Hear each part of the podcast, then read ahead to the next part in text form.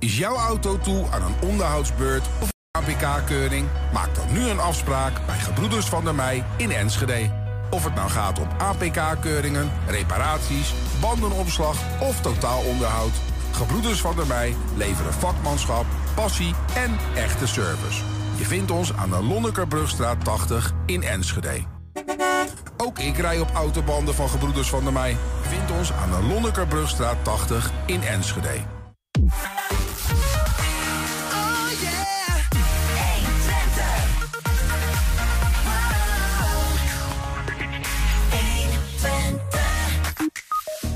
Oude mensen die lelijk vallen. In Almelo wordt samengewerkt om dit zoveel mogelijk te voorkomen. Volgens betrokkenen op een unieke manier. We hebben een voorbeschouwing op de wedstrijd Fortuna Sittard FC Twente. We nemen je mee naar het gemeentehuis in Enschede. Naar het regionale evenement Young Europe. Met zowel Nederlandse als Duitse jongeren. En we hebben een nieuw Twents kwartierken. En we sluiten af met de column van Bart Petersweem. Het is vrijdag 6 oktober. Dit is 120 vandaag.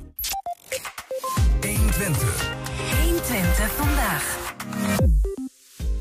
De slechte wegverbinding tussen Zwolle en Nijverdal. De toename van het aantal goederentreinen met gevaarlijke stoffen dwars door Twentse steden en dorpen. Afspraken over deelvervoer met Enschede. Behalve wethouder van Hengelo is Hanneke Steen ook regionaal portefeuillehouder mobiliteit namens alle Twentse gemeenten. Dus houden ze zich ook bezig met eh, de onderwerpen die ik net noemde. En ze ergert zich aan politici die zomaar wat roepen. Uh, daar gaan we het ongetwijfeld over hebben. Hanneke, welkom. Dankjewel. Uh, daar straks meer over. Uh, de ergernis rondom uh, de zogeheten gratis biermotie. maar daar komen we allemaal nog op. Eerst even iets anders. Je staat op plek 9 van de kandidatenlijst voor het CDA voor de komende Tweede Kamerverkiezingen. Ja. En um, op deze manier stelde jij jezelf voor bij het CDA-congres. Anneke, jij bent nu wethouder in Hengelo. Uh, ook heel leuk om te doen, kan ik me zo voorstellen. En je zegt, het maakt in Nederland uit uh, welke postcode je geboren bent. Uh, waarom, waarom is dat ook een motivatie om je kandidaat te stellen voor de Tweede Kamer? Nou ja, ik kom uit Twente en in Twente zeggen we wel eens achter Amersfoort gaat het licht uit. En dat is ook echt zo. Hè? Als je naar het oosten rijdt, dan zie je dat er lantaarnpalen verdwijnen, want er woont toch niemand immers. Hè? En, maar het gaat natuurlijk veel meer over die lantaarnpalen. Het gaat ook eigenlijk over niet gezien worden. Het maakt dat je, ik zie het aan de infrastructuur, maar ik zie het bijvoorbeeld ook aan de manier waarop er is geïnvesteerd in onze kenniseconomie, uh, in onze sociaal-economische structuur.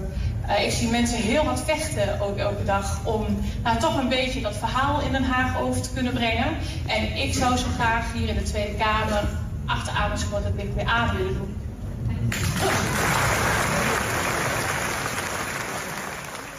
Een mooie speech. Uh, negende plek voor, voor, het CDA zou in eerdere tijden een, nou ja, zonder twijfel plek in de Tweede Kamer opleveren. Hoe denk je daar nu over? Ja, wij gaan voor de dubbele cijfers. Dus we gaan ervan uit dat dat gewoon helemaal gebeuren gaat. Ja, toch wel? Ja, maar ik ga wel hard werken hoor, voor de zekerheid. Oh ja? ja maar en is dat een, dat bedoel, dan bedoel je gewoon campagne voeren? Ja, Keihard. zeker. Ja. ja campagne zeker. voeren voor het CDA of ook voor Hanneke Steen? Uh, eerst campagne voeren voor het CDA, maar ook voor Hanneke Steen. Want er moet een tukker in die Kamer, vind ik, voor het CDA. Dus uh, om dit verhaal goed te kunnen vertellen. Ja. Dus uh, ja, ik ga wel voor de voorkeurszetel. Is dat dan ook iets waar je, waar je want dit, dit is, lijkt een soort stokpaardje die je hier al presenteert, hè, van, van dit is waarom ik die Tweede Kamer in moet, ja. eigenlijk. Mm -hmm. Is dat mogelijk, dat je zo'n Tweede Kamer ingaat met bijna een soort van de portefeuille, de regio, voor jezelf? Nou kijk, je, ik denk iedereen die in de Tweede Kamer komt, neemt een achterban mee. Hè? En wat ik hier zeg is dat ik eigenlijk vind dat, en wat voor Twente geldt, geldt eigenlijk voor heel veel regio's in Nederland, dat dat verhaal van die regio eigenlijk veel beter uh, verteld moet worden. Mhm. Dus ja, er zijn, zullen vast mensen zijn die op mij stemmen omdat ik uit Twente kom, ja. En dat is eigenlijk altijd zo. En dat vind ik ook goed om dat verhaal te vertellen. Ja. Tegelijkertijd zeg je ook, ik wil niet als een, uh, een Calimero overkomen. Hè? Nee. Uh, zij zijn groot en ik ben klein. Ja. Dat is niet eerlijk. Um, Ja. hoe, hoe doe je dat dan? Want uiteindelijk deze speech, uh, ja, daar hoor ik toch wel dat in doorklinkt. Van het is gewoon Ja. soms oneerlijk. Ja, en dat is het ook. Dus het is ook realiteit dat er jarenlang veel te weinig is geïnvesteerd in de regio, ook in Twente. Hm. Eh, de andere kant van het verhaal eh, is, ja, je kunt zeggen dat ja, we worden niet gezien, maar je moet ook wel gezien willen worden. En wat wij in Twente nou doen, is dat we super bescheiden zijn en we steken ons hoofd niet boven het maaiveld uit. Mhm. En om dat te verhaal te vertellen, ja, we hebben zoveel potentie. Dus het is helemaal geen Calimero, maar het is wel dat ik het onszelf gun om uh, dat verhaal beter voor het voetlicht te kunnen brengen. Lukt dat beter als Tweede Kamerlid of als eh, wethouder slash eh, woordvoerder uit Twente op dit eh, dossier? Nou, ik merk als woordvoerder uit Twente, door maar daar aanwezig te zijn, dat het best wel goed lukt en steeds beter lukt. Ehm, maar uiteindelijk moet je daar ook zitten om dat verhaal te vertellen. Daar ben ik ook wel van overtuigd. Ja, Dus eh, of Dus nou het een Tweede beter Kamerlid. is dan... Tuurlijk, want ik ga voor die zetel. ja, ja. ja. Ja. Wat, wat Ja. gebeurt er als je op 22 november toch buiten de boot valt?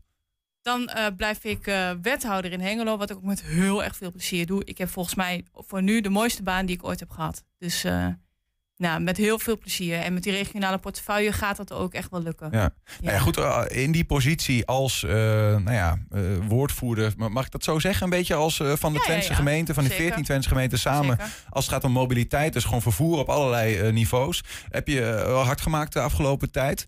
Ehm, eh, een aantal dingen in het nieuws voorbij zien komen ook. Gewoon wat dingen uitlichten misschien. Bijvoorbeeld de toename van het aantal goederentreinen door de Twentse steden met, met daarin gevaarlijke stoffen.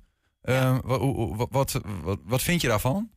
Nou, kijk, dat hele goederenvervoer, dat, is wat, dat leeft ontzettend hier in Twente. Omdat we natuurlijk wel zien dat er steeds meer containers over dat spoor gaan. En we weten ook, als de containers over het spoor gaan, zitten daar geen mensen in, maar er zitten daar goederen in. En we Ja. willen juist dat wij sneller naar Amsterdam kunnen, of sneller naar Den Haag kunnen, of naar Rotterdam kunnen met de trein. Nou ja, op je, als dat spoor vol zit, ja, dan wordt het wel ingewikkeld. Dus ik vind dat daar een hele goede balans tussen moet, eh, moet komen. Goederenvervoer over spoor is wel een hele schone manier om eh, goederen te vervoeren. Dus niet per se slecht. Het is ook veilig. Ehm, maar ja, je moet wel kiezen als het spoor zo druk bezet is. Waar, ja, waar geef je dan de prioriteit aan? Ja. En het gesprek ging, merkte ik toen ik begon als wethouder al heel snel over waar leggen we dan eh, zo'n goederenspoorlijn aan. En ik wil het hebben over waar leggen we een mensenspoorlijn aan. En hoe gaan we dan zorgen dat we die goederen op een goede manier door het land krijgen. Ja, want uiteindelijk moet dat ook gebeuren, ergens.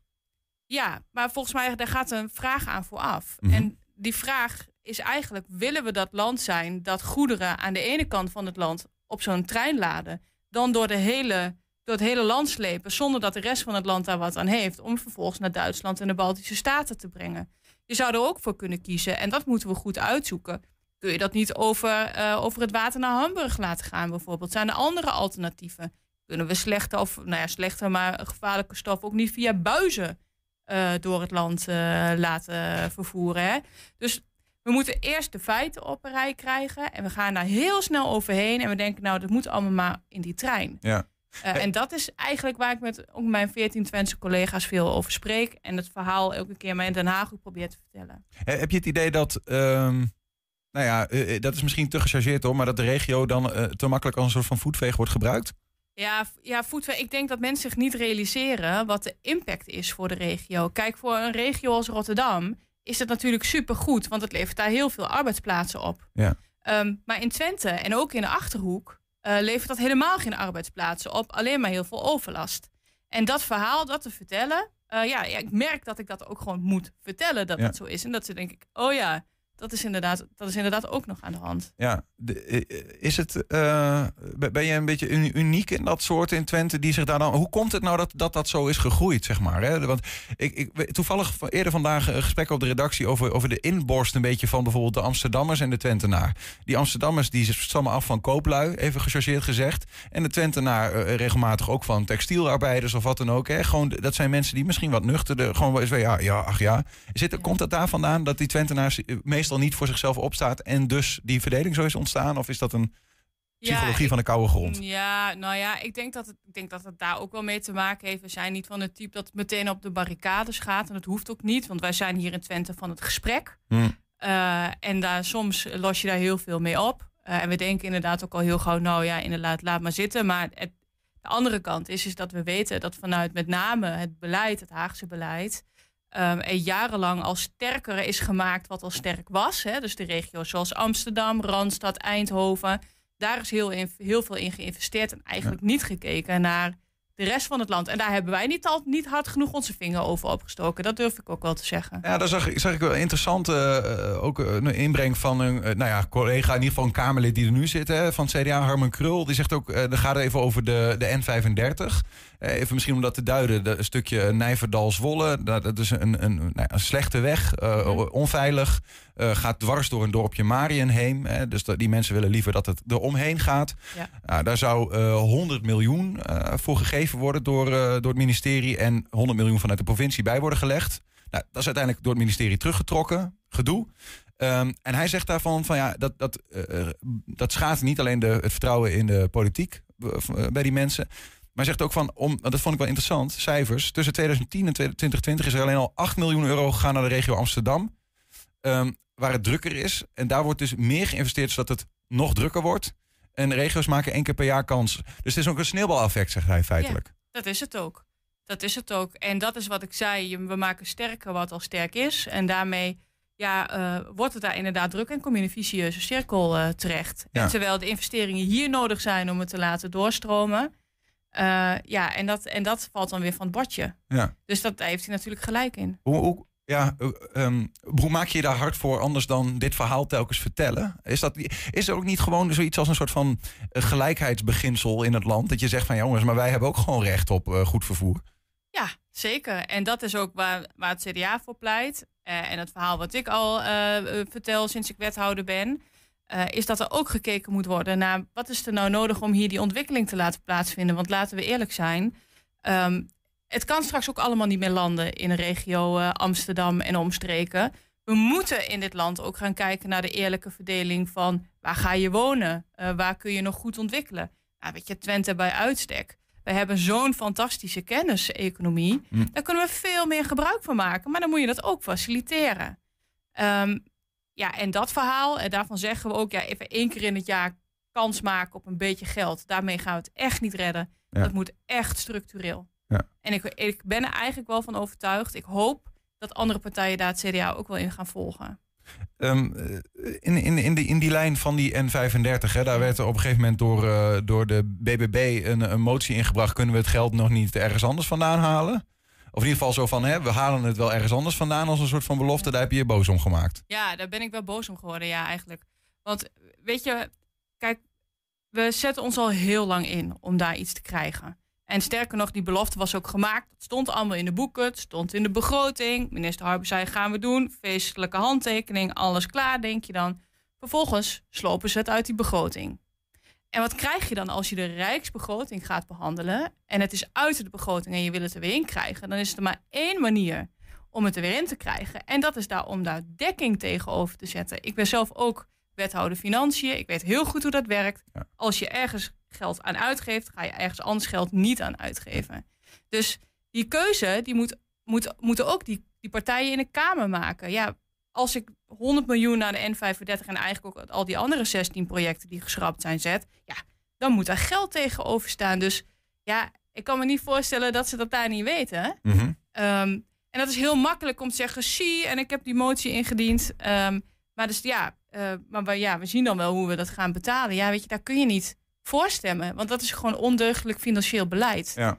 En ja, dan, ja, dan word ik daar een beetje chagrijnig Maar van. omdat Ik je vind vindt dat ze, dat ze de, eh, eigenlijk de mensen te makkelijk een worst voorhouden... en daar misschien wel over dat, eh, die, die strategie stemmen proberen te winnen bijvoorbeeld van, het, van, het, van de het regio. Klinkt, ja, het klinkt leuk, hè? Van kijk, zie, we hebben geprobeerd een een motie over in te dienen voor elkaar te krijgen. En, eh, en je weet eigenlijk al dat hij niet gaat halen. Dat, Ja. dat klinkt natuurlijk heel fijn, maar het schiet, het schiet.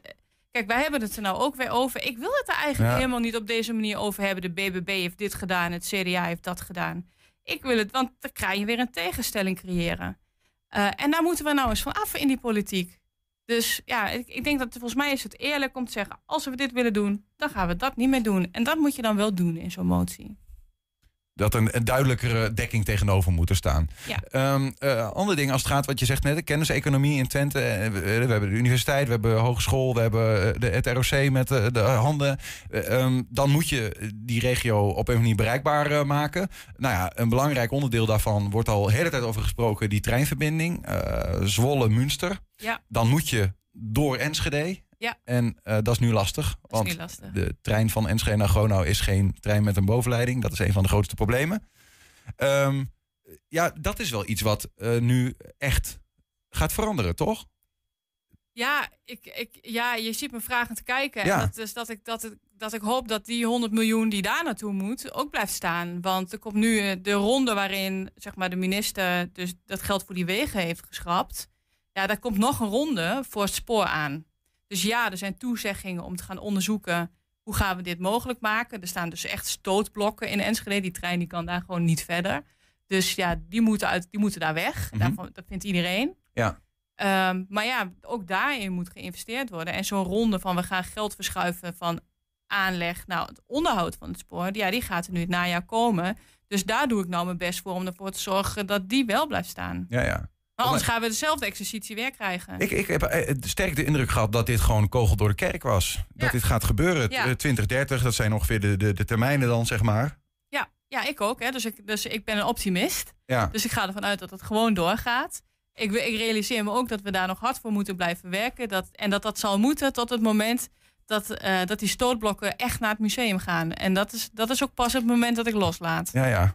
Ja, nou ja, goed, op zich is dat een gezond wantrouwen, zeg maar. Ehm, Ja, het is geen gezond wantrouwen. Het is gewoon de politieke drive om ervoor te zorgen dat dit echt gaat gebeuren. En we hebben gezien, nu bij Marienheem, ehm, wat, wat de consequentie kan zijn van ja, ja, een toezegging die weer wordt toezegging teruggetrokken. die we wat teruggetrokken. Ja. Want dat is daar natuurlijk ook aan de hand geweest. Ja. Ehm, wat is er misschien, wat, wat, eh, tot slot dan, zeg maar, eh, terug te komen op, op je praatje ook bij het CDA-congres. Het licht naar Amersfoort eh, gaat, gaat uit, heel extreem gezegd. Wat, wat moet er gebeuren om dat licht weer aan te krijgen? Nou, wat we echt moeten gaan doen is structureel investeren in die regio. Dat gaan, dan gaat het over ehm, infrastructuur, ehm, dus de, weg en het spoor. Maar het gaat ook over hoe gaan we nu het onderwijs op dat Saxion en eh, onze UT en onze gouden handen bij het ROC hier houden. Ja. En dan gaat het ook over huizen bouwen. eh, betaalbare huizen bouwen, banen creëren, hier eh, ook bedrijven naartoe halen. Want je kunt hier wel een baan krijgen, maar carrière maken in Twente is best lastig. Dus we willen niet eenzijdig arbeidsplaatsen, maar we willen dat je hier je hele loopbaan kunt doen. En dat betekent dat we ook gewoon echt in die economie moeten investeren. Dat we het Saxion moeten toestaan dat zij, en ook het, eh, de UT, dat zij internationale studenten kunnen blijven aantrekken. Ehm, want die zijn heel erg nodig, ook voor hier. En, nou, en dan, ga je, dan zul je zien dat er van een start-up, eh, hè, dus een klein bedrijfje, die gaat uitbreiden, dat wordt een groot bedrijf. En dat is wat we hier nodig hebben. Volgens mij kun je hier heel lang over praten, Ja, over al die thema's. echt, eh, Ehm, ding, eh, eh, duidelijk punt, investeringen, maar dan wel met duidelijke dekking. Zo is het. Hanneke Steen, eh, nu nog wethouder in, eh, in Hengelo en eh, wie weet na november Tweede Kamerlid. Eh, hoe dan ook, succes met je missie om Twente bereikbaar te hebben en te houden. Dankjewel.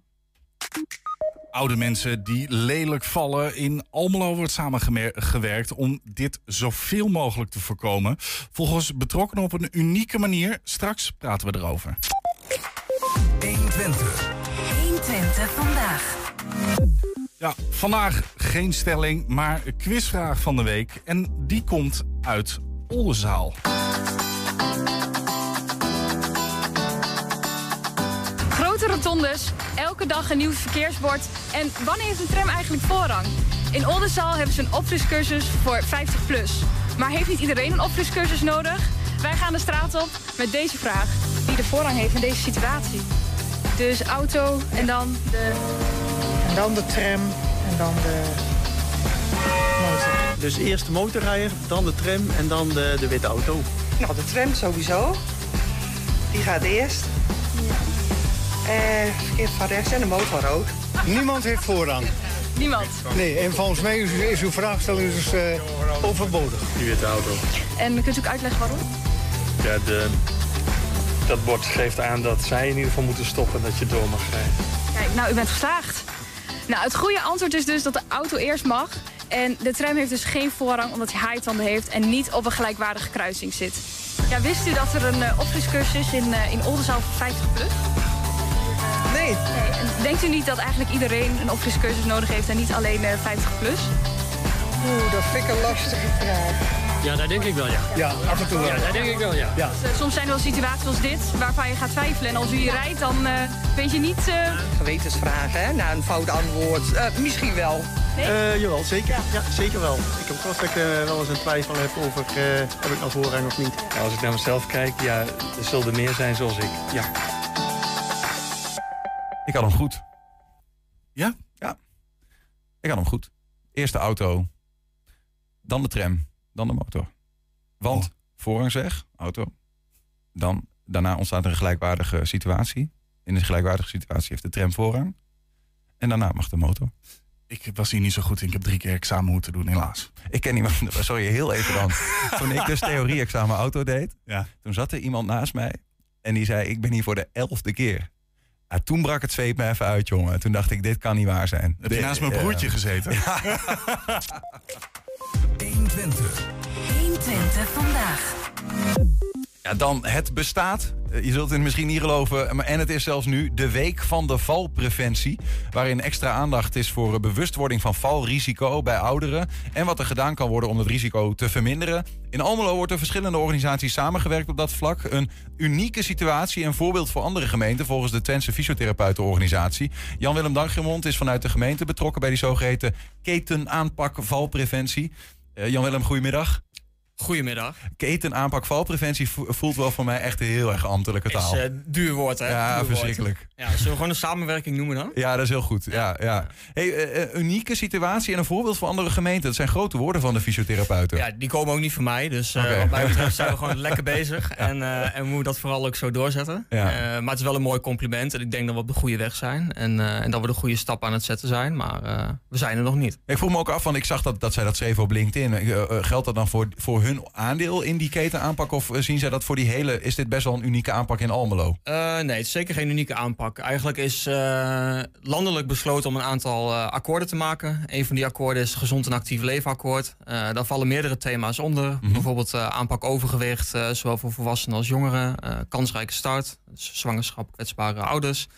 En ook valpreventie. En ja, daar moeten we dus een ketenaanpak op gaan, eh, op gaan inrichten. Samenwerkingsverband om te zorgen dat we eh, het aantal valletsels dat op de spoedeisende hulp komt, eh, dat we dat gaan terugdringen. Nou, daar hebben zij een rol in als fysiotherapeuten, maar dat is complexer dan alleen de fysiotherapie. Dus dat vraagt van heel veel partijen om goed samen te werken.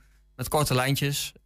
zorgen dat we elkaar ook met name op wijkniveau goed weten te vinden rond die kwetsbare inwoners. Ja. Ehm, ja, dus de, ja, daar draait het voornamelijk om nu.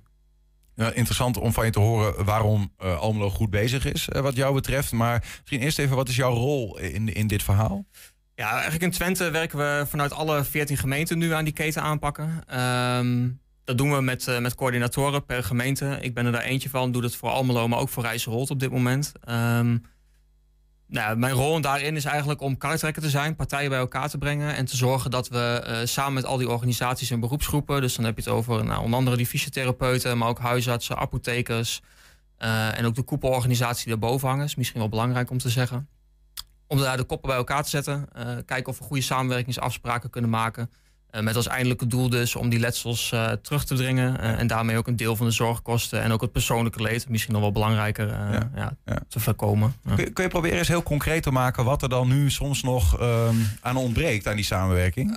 Ja, dat kan wel. Ja, kijk, wat nu gebeurt is dat er op zich zijn al die beroepsgroepen die ik net omschrijf, zijn wel vaardig genoeg en professioneel genoeg om te signaleren dat als er iets mis is en dat er een valrisico is, ehm, om daar dan op te acteren. Alleen wat soms nog niet heel erg goed lukt, is daarom samen om die patiënt heen te gaan staan. Ik denk dat jullie allemaal wel het, het voorbeeld kennen van je komt bij je huisarts en je wordt verwezen naar die, naar die, naar die, als je wat complexe problemen hebt. Ehm, nou, dat wil je eigenlijk vereenvoudigen. Dus je wil die, patiënt of die inwoner niet het gevoel geven dat hij van het kastje naar de muur gestuurd wordt. Maar eigenlijk dat die, ehm, ja, dat die professionals om iemand heen gaan staan en samen de juiste hulp bieden. Ja. Eh, nou, en die opdracht ligt er nu eigenlijk om dat zo goed mogelijk in te richten. Zodat al die verschillende organisaties ja, zo goed mogelijk met elkaar samenwerken om nou, het traject wat die inwoner op dat moment doorloopt, ehm, ja, zo vloeiend mogelijk te laten verlopen. Maar dan word ik toch alsnog van de, van de huisarts naar de fysiotherapeut gestuurd, naar de specialist. naar de- Ehm, ja, deels wel. Maar een van de voorbeelden bijvoorbeeld in de ketenaanpak is dat er een uitgebreide valanalyse plaatsvindt op het moment dat iemand een hoog risico heeft. Dus eh, nou, stel dat iemand nou echt heel kwetsbaar is en dat er een groot risico op vallen is. Dat betekent vaak dat iemand al eerder gevallen is en misschien zelfs al wel eerder letsel heeft opgelopen. Ehm, ja, in dat geval eh, vindt er een uitgebreide valanalyse plaats. Dat bestaat uit iets van 12 of 13 onderdelen, eh, variërend van zi- gezichtsproblemen of zeg maar visusproblemen, eh, gehoorproblemen, eh, maar ook voeten. Dus dan heb je met podotherapie te maken, medicijnen, eh, middelengebruik. Nou, super complex. Ja. Op dit moment zou je zeggen, nou, als dan stel dat een, ehm, nou, noem eens wat, een verpleegkundige die komt bij iemand thuis op huisbezoek en, eh, en die signaleert van, hé, hey, hier is wat los, daar moet ik wat mee. En dan kan het nu heel goed zijn dat hij zes lijntjes uit gaat zetten naar zes verschillende professionals. En dat, hij dus, nou, dat iemand dus zes keer een afspraak in zijn agenda heeft om ergens langs te gaan. Nou, wat we straks willen realiseren is dat die hele analyse door één partij wordt afgenomen. Ehm, nou, welke partij, dat moeten we nog gaan bepalen. Dus dat is onderdeel van die ketenaanpak. Eh, en dat je binnen die hele screening zeg maar, een goed beeld krijgt van hey, waar schoot het nu aan. En dat je dan ook een gerichte interventie kan kiezen. Dus dat je kan bepalen van hey, eh, er zit bijvoorbeeld een probleem op, ehm, op goed schoeisel bijvoorbeeld. Dus iemand die, die loopt eigenlijk op slofjes door huis, struikelt over een kleedje. Nou, dat zou een voorbeeld kunnen zijn. Mhm. Ja, dan is het misschien goed om eens naar een podotherapeut te gaan, goede schoenen aan te laten meten. Om te zorgen dat iemand gewoon stevig en, eh, en goed op pad kan. Ja, dus dat kan een voorbeeld zijn. Ja, omdat dus, eh, je zegt eigenlijk van er zouden zes oorzaken kunnen zijn. En je kunt ze nou allemaal specialisten toezoeken, sturen om te kijken of dat de oorzaak is. Of je kunt ook van tevoren bepalen van eh, is, is, is het er wel, zijn het er wel zes of is het er misschien één van de zes? Ja, soms kan het ook zo zijn dat, dat één probleem of één oorzaak meerdere problemen veroorzaakt. Eh, Ja. Dus eh, en bijvoorbeeld omgevingsfactoren is er eentje. Ja, stel dat iemand een ontzettend rommelig huis heeft. Iemand zichzelf een beetje verwaarloost eh, in dat opzicht. Dus de boel niet helemaal op orde heeft. Ja, dan kun je denken van ja, iemand is al drie keer gevallen. Misschien is hij duizelig of misschien heeft hij last van, eh, nou noem maar wat. Kan, kan hij niet goed zien. Eh, maar als het probleem, als de kern van het probleem is dat het thuis niet opgeruimd is. Ja, dan zul je daar moeten beginnen. En dan kun je dan kijken van hé, waar kunnen we nog meer eh, hulp bieden. Hoe, hoe groot is dit probleem eigenlijk? Ik heb er helemaal geen beeld van. Ik, ik val nog gelukkig nog niet zo vaak. Tenminste niet als ik gewoon Nee, loop. wij zitten denk ik ook niet in de doelgroep als ik zo om me heen kijk. Maar ehm, ja, de doelgroep wordt eigenlijk omschreven als 65 plus. En dan met name thuiswonend. En wat denk ik wel een landelijk eh, beeld is dat men vergrijst. Dus Nederland vergrijst eh, eigenlijk op een dubbele manier. Dus er komen steeds meer ouderen bij. En die ouderen worden steeds langer en gezond oud. Eh, dus dat betekent dat, eh, dat het probleem groter wordt eigenlijk. Ehm, wat was je vraag ook weer? Nou ja, hoe, gro- hoe groot het probleem is. Ja, Eh, maar wel groeiend dus, omdat mensen een- ouder worden. Exact, het is een groeiend probleem. En de omvang is eigenlijk in zoverre dat eh, nou, de cijf- laatste cijfers, bekende cijfers, dat er 80.000 mensen per jaar met letsels op de spoedeisende hulp terechtkomen. Dus dat zijn er, eh, nou, dat zijn er bijna 300 per dag, denk ik. Ja, ik vind dat dus altijd, maar dat komt dus ook omdat ik natuurlijk nog niet zo die leeftijd heb. Ik vind me dat altijd zo moeilijk voor te stellen. Hè. Zeker toen ik nog wat jonger was, toen hoorde je wel eens van, nou, die en die, eh nou, oma, zus of zo, is gevallen. En dan dacht ik, ja, dat, dat kan. Ja, dat, dat die staat vervelend. alweer op Ja, vervelend, weet je wel. Ja, maar dat- dat, geldt dus niet in dit geval. Nee, nee, dat is zeker ook niet altijd het geval. Want van die 80.000, ehm, nou, om bij iets meer dan een derde, ehm, ja, houdt daar ook echt wat aan over. Dus dat betekent als je naar bijvoorbeeld ziekte, ziektelast kijkt of naar, eh, naar, naar, naar gezondheidskosten, zeg maar. Dat betekent dat veel van die mensen niet meer terugkeren bijvoorbeeld naar hun huidige woonsituatie, maar naar een verzorgingstehuis moeten of langer, langdurig moeten revalideren. Mhm. Dat kan niet altijd thuis, dus dan moet je dan soms voor naar een andere, naar een andere locatie. Eh fysiotherapiekosten, eh, nou ja, je kunt er van alles bij bedenken, denk ik. Eh, dus deels zit dat in de kosten, maar deels zit het natuurlijk ook in persoonlijk leed. Als je altijd op jezelfde, op je eigen plekje hebt gewoond, samen met je partner bijvoorbeeld, en jij valt en daardoor beland jij al in de situatie dat je niet meer thuis kunt blijven wonen. Ja. Ja, dan doet dat ook heel erg veel met iemands persoonlijke leven. En daar wil je natuurlijk ook een nodig aan doen. Ja. Dus in, in, de of in de nieuwe aanpak, of in ieder geval die eh, georganiseerde samen, samenwerkende aanpak, zeg maar, eh, ga je Mhm. meer kijken van ja, welke, welke specialist heb je nou eigenlijk echt nodig, welke minder, en hoe kunnen we daar samen eh, naar kijken? Absoluut, ja. Dus je Ja. probeert het probleem niet aan te pakken vanuit één focus, maar eigenlijk in het brede plaatje. Dat past ook wel in een brede verhaal waar we onder andere nu in de Twentse samenwerking, Twentse koers mee bezig zijn. Eh, waarbij het draait om vooral vitaal ouder worden. Ik gaf al aan dat veel meer eh, ouderen langer ook gezond blijven. Gelukkig zijn we denk ik allemaal blij mee. Ik denk dat iedereen gezond oud wil worden. Eh, maar dat vraagt ook wat van onze samenleving. We kunnen, we kunnen minder snel, of we moeten eigenlijk langer thuis blijven wonen. met de huidige omstandigheden. Ehm, dus dat vraagt ook dat we eigenlijk als samenleving willen dat iedereen vitaal oud kan worden. Dus dat je ook zelfredzaam blijft, dat je zelf je eigen boodschapjes kan doen. Het liefst tot je tachtigste of je negentigste nog, zeg maar. Eh, dat is niet iedereen gegeven, zo realistisch moet je ook zijn. Maar daar proberen we wel op deze manier eh, een steentje aan bij te dragen. Eh, ja. Ik begrijp dat jij normaal voor sportbedrijf Al- Almelo werkt. Klopt, ja. Dit lijkt dan een soort van Ook in- ja, eend dat- in de. Of valt het wel mee? Klopt, ja, nee, ik werk inderdaad voor sportbedrijf Almelo. Daar werk ik nog steeds voor. Ja. En ik twee dagen in de week, drie dagen in de week werk ik deze opdracht werk ik voor de gemeente, Rijsselholte dus en Almelo. Eh, maar er zit wel veel raakvlak tussen. Want je kunt je voorstellen dat als we mensen eh, met een valrisico naar een lager risicoprofiel krijgen, nou, dat is een beetje ambtelijke taal denk ik, maar eh, je snapt wel waar het om gaat. Ehm, dan is het ook belangrijk om ze daar te houden. En dat, nou, dat komt weer terug op dat vitaal oud worden. En dan wil je dat mensen bijvoorbeeld ook in beweging blijven, een actieve leefstijl nahouden, maatschappelijk onderdeel kunnen zijn van ja, wat er maar in een stad of dorp gebeurt.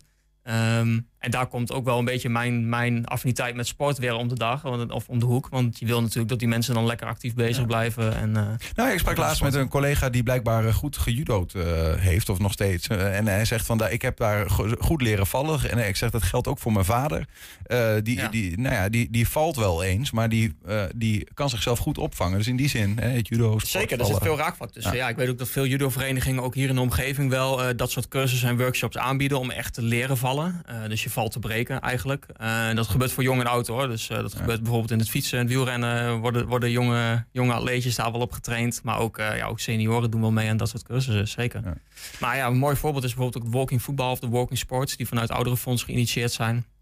Ja, super mooi passend aanbod, wat, eh, ja, wat bij deze doelgroep heel erg thuis hoort. Waarmee je deze groep ouder wordende Nederlanders, Twentenaren, eh, langer op de been kunt houden en ook langer sportief kunt houden. Eh, en ook wel, nou, misschien nog mooi is, ook verbonden kunt houden aan de vereniging en daarmee ook de sociale context, zeg maar, voor hun eh, een beetje in stand houdt. Hoe verspreid jij dit evangelie na- naast aan deze tafel ook in andere Twentse gemeenten, naast Almelo, Rijsselholte? Ja, wat ik zei, we zijn dus met, met de 14 Twentse gemeenten eigenlijk een beetje verenigd in Twentse koers.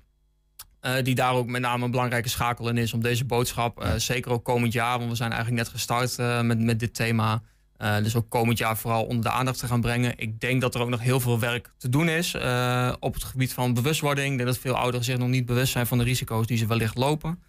Ehm, en dan ook eigenlijk wel nou ja, zo mooi zijn als ze dan ook in actie komen. En daar valt volgens mij nog wel een wereld te winnen. Ik denk dat we daar nog echt, eh, echt flink op kunnen inzetten. Ja. Dank voor je uitleg en voor je enthousiasme. Succes. Graag gedaan, bedankt voor de tijd. Jan-Willem Dangermond. Zometeen een nieuwe editie van het Twents kwartierke met vandaag aandacht voor het Neder-Saxisch Symposium. En zijn ook als podcast te vinden. Hè. Via alle bekende podcastplatforms vind je ons de hele uitzendingen en elke dag één item losgeknipt. 120. 120 vandaag. Ja, FC Twente reist dit weekend af naar Sittard voor de uitwedstrijd tegen Fortuna. Het woord is aan de hoofdtrainer Jozef Oosting, die deze week iemand kon verwelkomen op de training. Mooi nieuws deze week. Dat is dat eh, Gijs Smal zich weer gemeld heeft op het trainingsveld. Hoe is dat gegaan? Nou ja, eigenlijk, wel met een lach natuurlijk. Eh, kijk, eh, Gijs is een, eh, is een goede speler. En eh, goede spelers wil je altijd bij de groep hebben, maar ook een, eh, een goed persoon. Ehm, dus eh, hij is er weer verwelkomd door onze, onze mannen. Dus we hebben even een haag voor hem gemaakt. Dus dat was leuk. Ja. En hoe is het fysiek gegaan? Hoe ver is hij nu op dit moment dan in zijn herstel? Want dat is een goede stap. Nou ja, we moeten, er nog wel stappen bij. Hij doet vaak de eerste twee tot drie blokken mee. En die blokken bestaan dus uit, het, uit een warming-up met bal, eh, rondootjes, posities spelen. eh, neutrale man dus. En uiteindelijk, eh, zo gauw als we in de partijen gaan zitten, gaat hij eruit. We proberen dus het per week te bekijken van wat hij kan. Dus, maar hij is nog niet eh 100% fit. Hoe is dat met andere spelers in de selectie? Ik moet ook even denken aan Jori Regeer eh, afgelopen weekend. Uh, Juri is, is, is weer fit, dus die, die heeft weer getraind van de week. Dus die had even een paar dagen nodig om, om te herstellen. Dus die is fit, ja. En gaat het dan verder aan, aan afwezigen dit weekend over dezelfde vier die al de, ja, de laatste weken steeds afwezig zijn? Ja, nou, weet je, eh, ja, dat, dat, dat, dat, dat is waar. Dus, eh, eh, ja, goed, uiteindelijk, wij, wij bereiden ons gewoon weer voor naar, naar iedere wedstrijd. En dan moeten we het met de spelers doen wie we hebben. Dus, maar er is nogmaals, de vier wie eh, al langdurig geblesseerd zijn, daar is nog niet iemand van terug. Eh, ook een oefenwedstrijd eh, deze week. eh, eh, ja, vooral denk ik bedoeld om spelers eh, minuten te laten maken... die wat minder minuten maken ten opzichte van de rest. Heeft het jou ook nog andere inzichten gegeven? In de zin van? Nou ja, dat er jongens bij zitten die wellicht wel in aanmerking komen op termijn voor een basisplek... en die nu 90 minuten hebben gemaakt. Een Eiting, een Taha van Bergen. Ja, nou ja, goed. Weet je, iedere dag eh, geeft mij inzichten in spelers. Dus als trainer geeft me dat altijd inzichten in het, eh, hetgeen van wat we doen en hoe ze doen met elkaar. Dus wat dat betreft, ja. De oefenwedstrijden zijn natuurlijk ook vaak, omdat je wil natuurlijk een bepaald ritme, maar ook in de manier van voetballen. Eh, dus als team wil je daar ook graag eh, stappen in zetten. En eh, noem maar in scenario's, in, in, in, eh, in eh, soms eh, het accent te leggen in het verdedigen. Soms het accent te leggen in, in het aanvallen of in het omschakelen enzovoort enzovoort. Dus daar gebruiken we de wedstrijden ook voor. Alleen uiteindelijk is het ook zo dat wij in een in het landbreek dat onze spelers wie voor hun land spelen zijn gewoon weg. En in die uh, break proberen we dus spelers uit, ook vanuit de jeugd. Om, om te kijken van ja, wat houdt nu profvoetbal in? En eigenlijk, ja, wat ik al net al zei... Uh, iedere dag geven mijn spelers inzicht in hetgeen van wat ze kunnen. En ja, en daar hoort natuurlijk ook wel een oefenwedstrijd bij. Maar uiteindelijk gebruiken we daar ook gewoon ja, competitiewedstrijden voor. Nou, misschien om Eiting even uit te pikken, omdat hij ook in dat weekend um, meer minuten maakte dan in zijn invalbeurten ervoor. Is heeft dat enige betekenis? Gaat hij langzaam naar meer minuten toe? Of? Ja, nee, goed. Wat, wat wil je van me horen? Uh, kijk, weet je, volgens mij doen we het hartstikke goed, toch? En uh, we zijn al een tijd met elkaar bezig. En uh, Eiting is een van mijn selectiespelers wie kan spelen. En uiteindelijk is het zo dat hij ook dagelijks bezig is om te laten zien in hetgeen van wat hij kan. En uh, ook daarbij kijken we gewoon per week van met wie we starten, met wie we eindigen. Uh, dat noemen we dus een gameplan. En uh, ja, je haalt er telkens Eiting uit. Maar volgens mij zijn er ook nog andere spelers wie wij, wij hebben, die ook goed zijn. En anders zitten ze dus niet bij, bij FC Twente. Maar vooropgesteld, wij hebben een goede selectie. Ja, en misschien Younes Tahade uitpikken. Die, die was belangrijk in die wedstrijd. Jij zei wel eens van, jij heeft er wel even tijd nodig gehad. Hoe gaat dat nu? Ja, nou ja, uiteindelijk uh, ook voor hem uh, geldt. Uh, hij kan zich iedere week en iedere dag laten zien van wat hij kan. En voor hem had het meer te maken met zijn fysieke gesteldheid. dat hij, die verviel nog wel eens in blessures. Ook voor hem is het zo dat daar progressie in zit. Maar dat zit in mijn hele team zit daar progressie. Dus iedereen moet vol aan de bak. Dan even over de tegenstander van dit weekend. Vorige week hadden jullie twee wedstrijden in de week kort achter elkaar. Ging het heel veel over van uh, ploegen die wat defensiever zich opstellen tegenover jullie. Wat verwacht jij wat dat betreft dit weekend van Fortuna? Nou, ik, het is wel een hele taaie ploeg, moet ik eerlijk zeggen. Ook uh, van het weekend vlogen ze dan wel bij AZ uit. Maar ze hebben een mooie spellenvatting. Ze hebben ook uh, spelers waar, wie, wie aardig kunnen voetballen. Halilovic. Ook in de omschakeling zijn ze, zijn ze snel met een Noslin en met Cordoba. Dus Sierhuizen. Ja, ze hebben een, ze hebben een goede ploeg uh, wie, wie herkenbaar voetbal speelt. Uh, we spelen weliswaar uit, dus ik verwacht er, dat, nogmaals, waar ik mee ben begonnen, een, tegen een Thai team wat goed in elkaar zit, verwacht ik, ja, verwacht ik dat we vol aan de bak moeten. En dan zal de wedstrijd uitwijzen van waar, waar staan ze laag op het veld, staan ze hoog op het veld. Dus we hebben de, de dingen meegenomen voor, zoals wij ze hebben geanalyseerd. En ik denk dat het een mooie uitdaging is om, om het tweede blok gewoon goed af te sluiten. Want dat willen we. En uh, de wedstrijd gaat zien hoe ze dat uh, ontvouwt. 120. 120 vandaag. Wat zijn we aan het doen? Wat zijn we aan het doen met z'n allen? We, we hebben alvast lol. Ja, ja, ja. ja. ja we, we, we, we, we, zaten in te schatten hoe lang het dit keer zou duren. Het Twents kwartierke heeft nog nooit een kwartier geduurd. Maar laten we gauw beginnen. Twents kwartierke. Adrie Hemming, ja. terug. Dankjewel Adrie Hemming. Dit was het dan, het Twents kwartierke. Nou, u, gaat weer. We gaan van jou uh, nieuwe Twentse woorden leren en ons verdiepen in, in het Twents en de Twentse cultuur en dat soort uh, dingen. Um, maar we gaan eerst even kijken naar uh, vorige week. Wat hebben we van jou geleerd? Vorige week, hè? Ik, zeg, ik doe het maar weer in plat. Ja, uh, de beesten, dat, was, uh, dat is rundvee. Mm -hmm. Uh, zielzorg, dat was geestelijke bijstand. bijstand. Ja, dat heb ik wel nodig. Ja, en een knientje leven. Of knientje, knien, knienleventje. God, het moeilijk uitspreken. Een zorgeloos, een zorgeloos leven. leven. En dan ja. nog het woord van de week. Ja, dat was volgens mij... Ja, toch? pungel. Ja, ja. rugtas. Inderdaad. Nou, Jullie hadden toch de, de nieuwe, vier nieuwe woorden in onze, in onze rugzak. We gaan er weer vier nieuwe instoppen. Um, jij gaat ons zo meteen tracteren op een quiz. Nou ja, dat komt allemaal zo. We leiden dat even in met een thema. Uh, we gaan nou praten over iets dat volgende week uh, zaterdag gebeurt. Uh, dat is het vierde Neder-Saxische Symposium. Middag staat in het teken van Neder-Saxische taal en literatuur. Denk dan bijvoorbeeld aan klanken en woordvormen en zinsbouw. Het is niet het enige, want er staat nog veel meer op de planning. In Assen is het toch Henk Bloemhof. Uh, ze spreken bij dat symposium. We hebben een telefoon. Henk, goedemiddag. Goedemiddag, Doren. Nee, dat klopt helemaal zoals je het zegt. Hè. Dat gaat gebeuren in Assen. Over de taal, maar de liter literatuur of schrijverijen. Uh, oude en jonge schrijverijen. Het gaat ook over de volkscultuur. Het gaat over hoe je met Neder-Saxisch omgaan moeten in de wereld. Het gaat over een bekende schrijver van vroeger, Jan Naarding. Het was een hele beroemde Drentse schrijver. dan gaat er een boek uitkomen van ik meen 700 bladzijden of zo wat. Ja. En eh, ja, misschien is het alleroudste nog wel dat eh, de kanon van het Neder-Saxisch eh, gepresenteerd wordt. Kortom, wij willen eigenlijk een symposium hebben waar aan de ene kant informatie is wat ze eigenlijk weten moeten als je in contact bent met die uh, en zo, of dat verwerken. En aan de andere kant, die kanon is eigenlijk zo van, wat zullen ze nou in Nederland per se wel weten moeten over het Neder-Saxisch. Kunnen nooit alles weten, weet ik ook niet. Maar, eh, En de geschiedenis dus ook.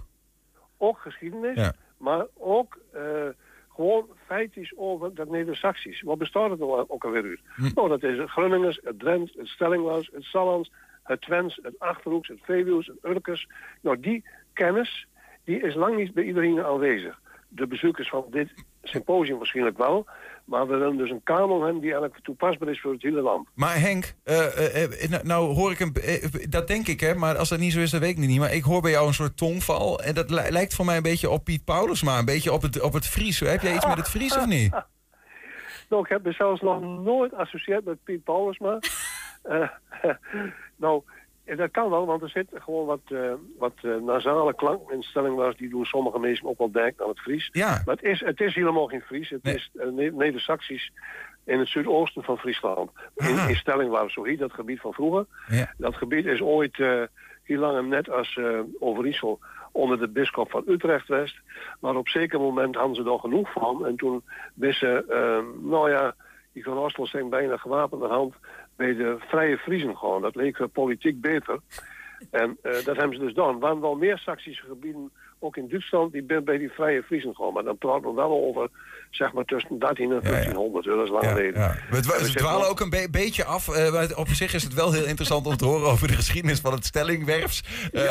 Maar ook een van dus die, die dialecten binnen de taal Neder-Saxisch zou je kunnen zeggen. Waar het Twents dus ook een dialect is van het Neder-Saxisch. Eh, die vierde keer dat jullie dit organiseren, hè? maar je zegt al van er komen toch vooral ook mensen die misschien al wel wat meer weten van het Neder-Saxisch. Is het ook voor mensen die gewoon eh, denken van nou ja, schiet mij maar lek, ik kom een keer op bezoek om te kijken hoe het, eh, wat er gebeurt? Oh, dat moeten ze zeker doen. Want die kaas die is maar één keer per jaar, zeg ik dan. Eh, om op dit, om dit, dit niveau over het hele gebied met Jan en allemaal even praten te kunnen en eventjes eh, naar die verschillende lezingen te horen. En natuurlijk zal er een lezing bij zijn dat je denkt van nou, daar heb ik niet zoveel aan. Maar de meeste lezingen zijn voor haast iedereen wel interessant. Neem bijvoorbeeld het verhaal eh, van, die, van, die, eh, van die kanon. Maar je kunt lekker goed denken over eh, de literatuur, oftewel schrijverijen in het Neder-Saxisch. Daar is een beeld van dat het eigenlijk maar weinig is. Maar het is juist heel, heel veel. Er verschijnen in allerlei regio's jaarlijks zomaar tussen de 5 en de 20 boeken in de streektaal. Maar het is juist in andere regio's dan weer niet bekend. Dus wij zeggen wel vaker tegen elkaar. We zullen elkaar vaker ontmoeten. Nou, het aardige is natuurlijk dat we ook in het Twents kwartier kunnen even zitten. En dan ben we meestal ook uh, buiten Twente die nog wel eens lusten. Hè, dus uh, zulke dingen ben heel goed. Want het gebied is natuurlijk heel groot. Nou, dat, dat weten je hem ook wel. Het loopt eigenlijk door van stelling waar Veluwe via Salland, Twente tot aan de Poolse grens. Hè? Ja. Waar we ook, uh, uh, niet in Polen, maar wel in Noord-Duitsland een uh, contact hebben. We hebben ook wel die symposia gehad dat er ook wat Duitse sprekers mee deden. En maar, een prachtige, prachtige ding gehoord. Hè? En, en, onlangs, want je hebt het over die, die literatuur, onlangs nog onze eigen Herman Vinkers hè, met het Hennige Prensken. Dat is, valt dat onder literatuur, hè? De, de, de Petit oh, vind ik wel, vind ik wel, Ja. vind ik wel. Ja. zeker, en dat is, ik heb, je doel op uitzending denk ik. Maar dat heb ik toevallig ook gezien. En dat, die, die Herman vind ik het hartstikke mooi hoe hij dat uitlegt en ook hoe dat werkte. Ja. gevoelsmatig met die taal en zo. Maar zo is er dus uh, veel, veel meer. Bijvoorbeeld de, de sprookjes van Grimm. Ja. Die ben in, in, verschillende streektalen van Neder-Saxisch uh, omgezet. Maar, maar, is dat, is dat ja. dan, Henk, wat hij, bijvoorbeeld, om daar even bij aan te haken... hij vertelt dan ook in die uitzending waarin hij presenteert eigenlijk zijn boek... zegt hij van, ja, weet je, je kunt een zin op, op, uh, op twee manieren zeggen. Het is dezelfde zin, maar je zegt hem of in het Frans bijvoorbeeld... of in het Twents. Nou, laat ik zeggen, makkelijker, of in het Nederlands of in het Twents. En het krijgt een ander gevoel, waardoor... Nou ja, is dat de waarde? Want wat, waarom doen we nou met elkaar zoveel ons best... om, te, om dat Neder-Saxisch te blijven begrijpen nou, en dat, behouden? Dat is zeker... Dat is zeker een, een, een weerde op mezelf. Uh, ik bijvoorbeeld, uh, ik ben zelf uh, buitenkerkelijk, maar toen ik de gelijkenis van de verloren zonen op een mooie manier las in het stellingwars, kwam dat veel dichter bij mij als dat het in het Nederlands was. Dus dan heb je weer hetzelfde gevoel, hetzelfde. Hè? En eh, ja, het is nog een ander punt hoor. Eh, het is ook zo dat het, eh, vind ik, makkelijker met elkaar omgaan is in die eigen streektaal. Het is eh, wat eigener, het, het is vertrouwder. Eh, maar wat we ook nog wel graag willen is natuurlijk, het is een eh, cultuur die rond 800 al bestond. Hè? Al voor 800 bes- bestonden Old Saxies. Eh, 830 wordt een prachtig verhaal de Heliant maakt over, over de invloed van Jezus Christus en zo wat. Ja. En in het Old Saxies hebben we dus nou ook in een aantal varianten van de Saxies verteld. Was al verteld bijvoorbeeld in het Twents. Nou is het er ook in, in het Sallands en in het Stellingwars en in Grunnigers. Hij wordt nog verteld in het Drents. Maar is een prachtige ding. Dat hij gewoon ook te maken met een stok oude cultuur. Dat het doel al was. En dat hij nou gewoon doorzetten. Ik zeg niet dat het over alles heen moet. Maar het naast het Nederlands Ja. voor het bestaan moeten, vind ik. En dat, dat is mogelijk, want we moeten het zelf doen. Het kan, wij kunnen het zelf doen. Volgende week eh, zaterdag is het eh, in, eh, in Assen. Hoe- hoe laat, waar? Eh, Kunstcafé Schuren. Kijk. Kunstcafé Schuren. Dat is, eh, eh, ja, dat is in, midden in het centrum eigenlijk. Dat, Ja, en hoe laat? op- Gewoon de hele dag? begint- nee, het is middags. Middags. Dus Oké. Zeg maar nou, van, van eh, 1 uur tot half vijf. Kijk, zoek het even op. symposium over het Neder-Saxisch. Dus eh, Henk, speel je nog even mee met onze Twentse quiz? Ik lust er in ieder geval wel. Ja, want ik weet niet of het eerlijk is, want je bent dialectoloog ook nog. En eh, goed, we horen wel dat je aardig Ja, belezen er is bent. natuurlijk, er is natuurlijk eh, geen groter genoegen als dat je een specialist afzien gaat, toch? Ja, nee, dat is waar. Dus we gaan, we gaan het eh, proberen bij deze. Ja, ik, ik geef het woord weer aan een juf... vuur... eh, Ik geef het woord weer aan juf Adrie. Je hebt een quiz. eh, drie Ne- of eigenlijk vier Twentse woorden. Telkens drie Nederlandse betekenissen. En eentje dat- die hoort bij dat woord. Die, die, nou ja, is een goede vertaling. Ik heb er natuurlijk, ik heb het maakt bij het thema. Hè, en eh, als je een beetje het programma hebt lezen, dan, eh, dan, dan hoop ik dat je eh, wat vindt. Het eerste woord, dat is eh, maaksbrief. Mhm. Nou, een maaksbrief, is dat dan A, een, een overeenkomst? Hè, iets waar je samen met een overeenkomst sloet. Ja. Is het B, een plan van aanpak? Nou, hoe groot die nu dat Neder-Saxisch weer eh, brengt? Of is het C, een bezwaarschrift? Dat kon natuurlijk ook weer, hè? Dat, dat, ja. Dat kan het ook weer, een maaksbrief. Een, Wat- een maaks, Het is wel een brief. Maar ja, het is allemaal een soort eh, eh, maaksbrief. eh, ma- maken, iets maken. Een plan van aanpak klinkt dan eh, heel logisch. Maar ik geloof het niet echt dat het dan is te, is te licht voor de hand. Ik weet ik, niet. ik zou misschien voor uit. overeenkomst gaan. Eh, waarom? Ehm, een afspraak maken. Ja, ja, een overeenkomst afsluiten. En dat doe je een overeenkomst nog wel eens op papier. Maaksbrief. Oké, dan ga ik voor plan Denk van ik. aanpak. Eh, Henk, eh, eh, weet jij dit? Of, of Ik, ik weet het niet, maar ik gok op eh, overeenkomst. overeenkomst? Oh, Nou ja, voor Henk en voor mij overeenkomst in? Niels heeft al- eh, antwoord B, plan van aanpak. Dus mij en iemand die het weet. En dat is Adrie Hemming. Adrie, vertel het ons. Nou, het is A, want ik heb natuurlijk gelezen, het gaat ook over het handvest. Hè? Dat, dat is ook een van de onderwerpen in het symposium, althans. Dus ja, dat is, een, is ook een overeenkomst, hè. Dus ehm, daarom heb ik den erin door. Ja, een overeenkomst om, Ja. dat, om het Neder-Saxisch Oké. eh, op de kaart te houden. Europees zelfs. Ja. Ehm, eh, Hultink, tweede woord. Ja, een hultink. Wat, wat is dat nou eigenlijk? Dat, dat hoort echt wel in Twente. De achternaam van iemand, of? Dat zal kunnen, dat zal kunnen, maar dat is het natuurlijk in dit geval niet. Is het A, is het een vertaling? Hè? We hebben het net over die heiland gehad. Hè? Is het B, eh, hulpverlening? Hm. Dat, dat kon weer, hè? dat je dat ook in de taal, eh, dat je beter hulp kunt verlenen. Of, eh, verlenen. of is het C, een vergadering? Je- dit weet ik. Oh. Dit weet ik. Ja. Kiek. Dat, dan is het vergadering. Want? Want? Eh, eh, hult, af, afhulden. eh, eh, misschien vergaderen, dat je daarmee langer bezig bent.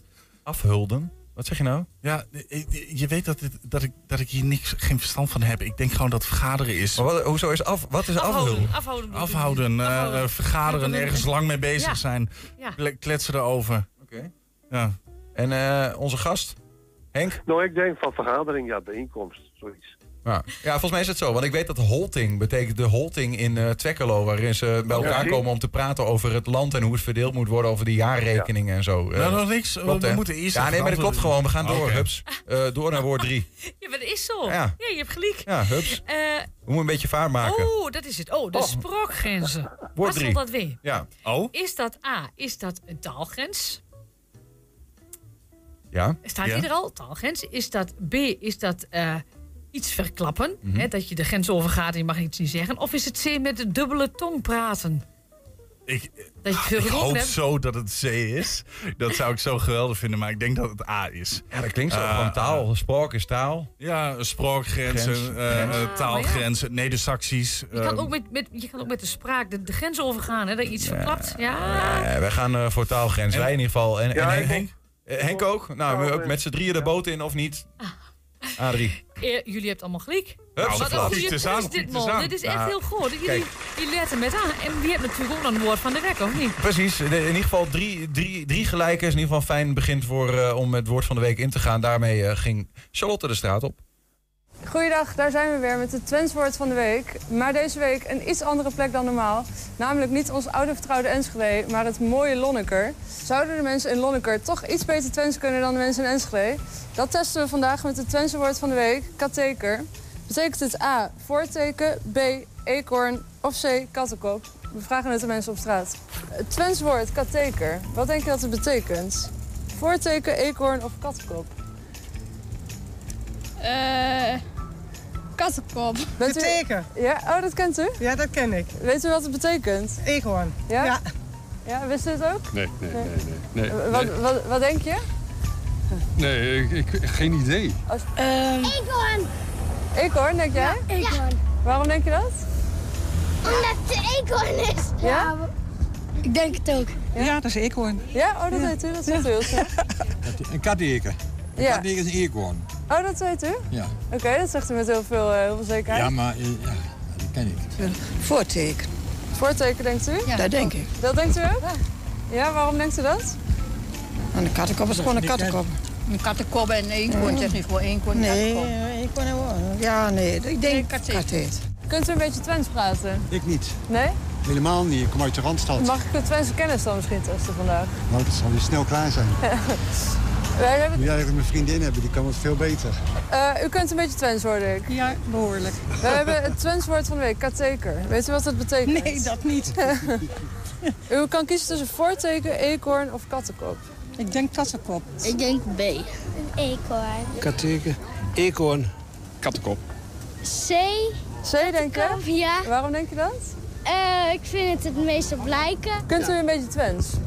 Helemaal niks. Nee? Waar komt u vandaan? Uit eh, Breda. Oh, god, oké. dat, is, eh, dat is een eindje weg. En we zagen jullie al komen. We denken, we gaan stiekem even googelen. Maar Oh, dat hebben we niet oh, gedaan. hebben we niet, oh, hebben we niet gedaan. Katteker. Voorteken, eekhoorn of kattenkop? U denkt kattenkop? Ja? Waarom? Weet ik niet. Dat zegt u best wel Synoniem, beetje synoniem. Eekhoorn, denkt u? Ja. Waarom denkt u dat? Hè? Het is een, eh, een eh, er zijn 51 soorten van. Van de eekhoorn? Ja. Oké. Dat- Ik denk dat heel veel mensen kattenkop eh, kiezen, omdat het woordje kat daarin zit. Oké. Voor teken. Van het teken? Ja. Ja, een teken. Dus ik denk het meest afwijkende, wat totaal niet eh, daarin zit. Oh ja. ja, u doet het gewoon logisch beredeneren. Ja. ja Oké, en wat denkt u? Ja, nou, ik, eh, ik, mijn eerste idee was ook eekhoorn. U weet alles over dialect? Ja, graag. Oh? Ik doe graag mee. Vertel. Wat, eh, hoe... Een katteker, dat is een eekhoorn. Katteker, is dat niet, niet, waar je eh, in je pillenmoos moet? Zeker weten antwoord B. Ja joh, waarom zou ik twijfelen? Ik weet het gewoon. Als ik het over een eekhoorn heb, zeg ik katteker. Klaar. U gebruikt het ook zo? Ja. Ja, oké. Lachen. Ja. Daar denk ik een kat ook op. U denkt een kattenkop? Ja. Waarom? Geen idee. Gewoon een gokje? Ja, gokje. Oké, dank u wel. Het Twents woord van de week, katteker. Veel mensen op straat dachten dat het antwoord B was, eekhoorn. Maar Niels, Julian, Adrie, wat denken jullie? Dat is eekhoorn. Oh ja? Ja. Henk? Ik denk het ook. Ja, ik denk het ook. Charlotte, zeg maar. Het Twents woord van de week, katteker. Veel mensen op straat dachten dat het antwoord B was, eekhoorn. Sommige mensen zeiden het zelfs met heel veel overtuiging. En eh, ja, ik kan ze ook alleen maar gelijk geven, want het is antwoord B, eekhoorn. Tot volgende week. Mooi, ja, fijn. Fijn dat we allemaal gelijk hebben bij het laatste woord. Ja, dit gaat goed. Het gaat steeds beter. Zo is maar net. Eh, Henk, dank eens weer voor het meedoen. Graag gedaan en goed houden en goed gaan. Jo, en veel plezier. Volgende week zaterdag dus ook het, eh, het, het symposium over het Neder-Saxisch. In Assen, Ja, wil je erbij zijn? Ga kijken. Adrie, ook bedankt. Tot Ja. volgende week. Ja, doeg. 120. 120 vandaag. Ja, gistermiddag was in het gemeentehuis in Enschede een debat voor zowel Duitse als Nederlandse jongeren. Tijdens het Young Europe Euroregionaal event stond één ding centraal en dat was samenwerken. Eh, we hebben vandaag ehm, als allereerste een gastcollege gehad ehm, van de directeur en ook docent eh, van de Universiteit in München. En dan daarnaast hebben we twee eh, debatten gevoerd. Ja, we hebben eigenlijk de hele middag hebben we gedebatteerd over actuele thema's met eh, eh, een groep Duitse studenten en een groep Nederlandse studenten die in gemengde teams in elkaars taal naar elkaar geluisterd hebben en gesproken hebben over grensoverschrijdende thema's, dus die in de grensregio spelen. Ik zei al even, die Engelstaligheid eh, aan universiteiten en internationale studenten, moeten we die willen of niet? Daar is een- inderdaad een meningsverschil tussen Duitsland en Nederland. En ook ehm, het volgende thema weet ik even niet meer, maar... eh, klimaat. klimaat, precies. En ook het klimaatdebat is in beide landen super actueel. En je ziet natuurlijk ook wat tegenstemmen opkomen. Ik ben wel benieuwd of er in die studentengroepen ook die tegenstemmen aanwezig eh, zijn... en hoe ze daarmee omgaan. En dan heb je hier allemaal studenten. Ze hebben naar je geluisterd. Je hebt in twee talen ook Ja. eh, de lezing Ja, gegeven. ja, Duits en Dus, eh, Nederlands, ja. Volgens mij ook best leuk om te doen, of niet? Ik vind dat wel lollig. En ik, voor, de, voor je het weet eh, zeg je ook de eerste helft van een zin in het Duits... en de tweede helft in het Nederlands. Dat heeft iets grappigs. Eigenlijk zou ik gewoon Twents moeten praten natuurlijk. Dan hoef je maar één keer alles te zeggen. Ist der Grenz zwischen Holland und Deutschland so fast oder ist das da gar nicht mehr?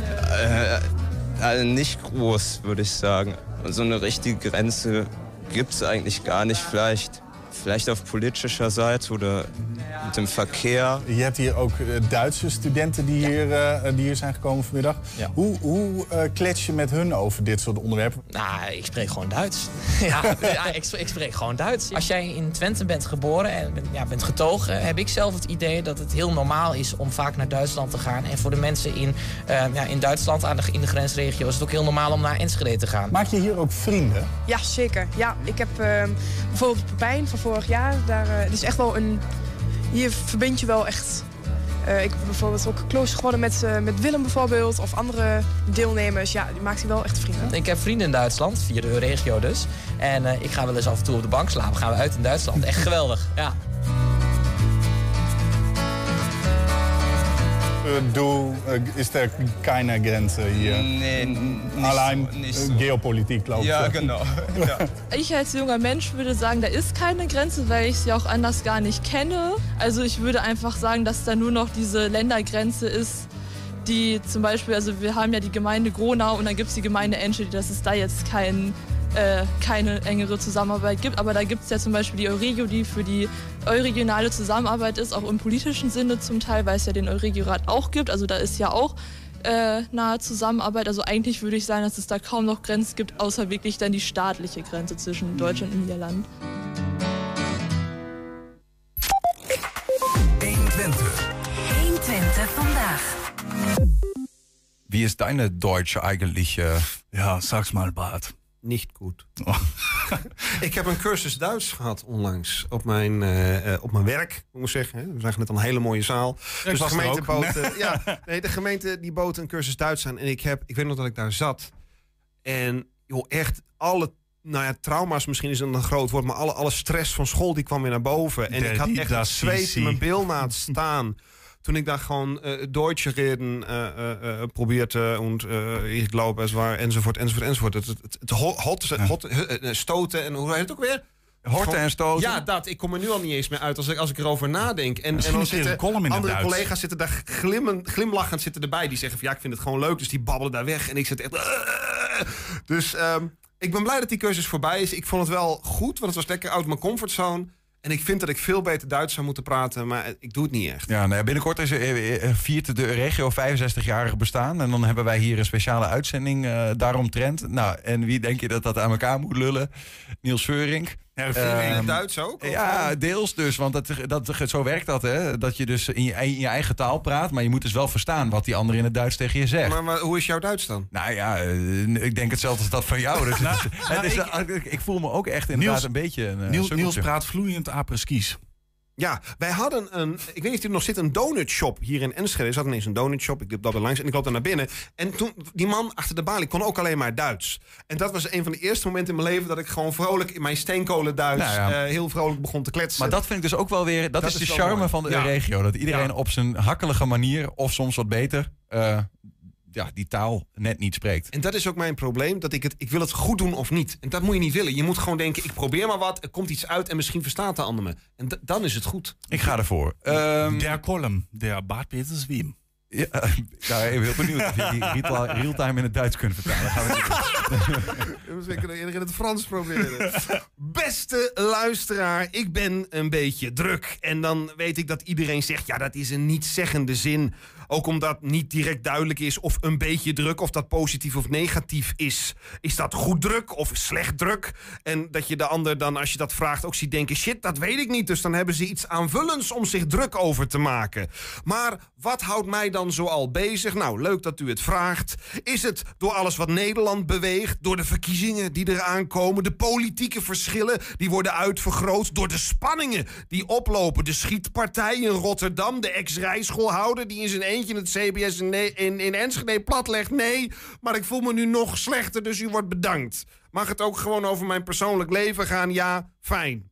Ik ben onlangs 40 geworden. Nou, gefeliciteerd, dank u wel. Ja, dank u wel. En mijn zoontje is één geworden. Wat leuk, ja. Hij tijgert al een tijdje. Wat lief, ja. Hij gaat op avontuur, zie hem gaan. Zo de gang op, van de trap afgelazerd. Prachtig, hoe hij alles ontdekt... en ineens in de glasscherven van een glazen karaf ligt.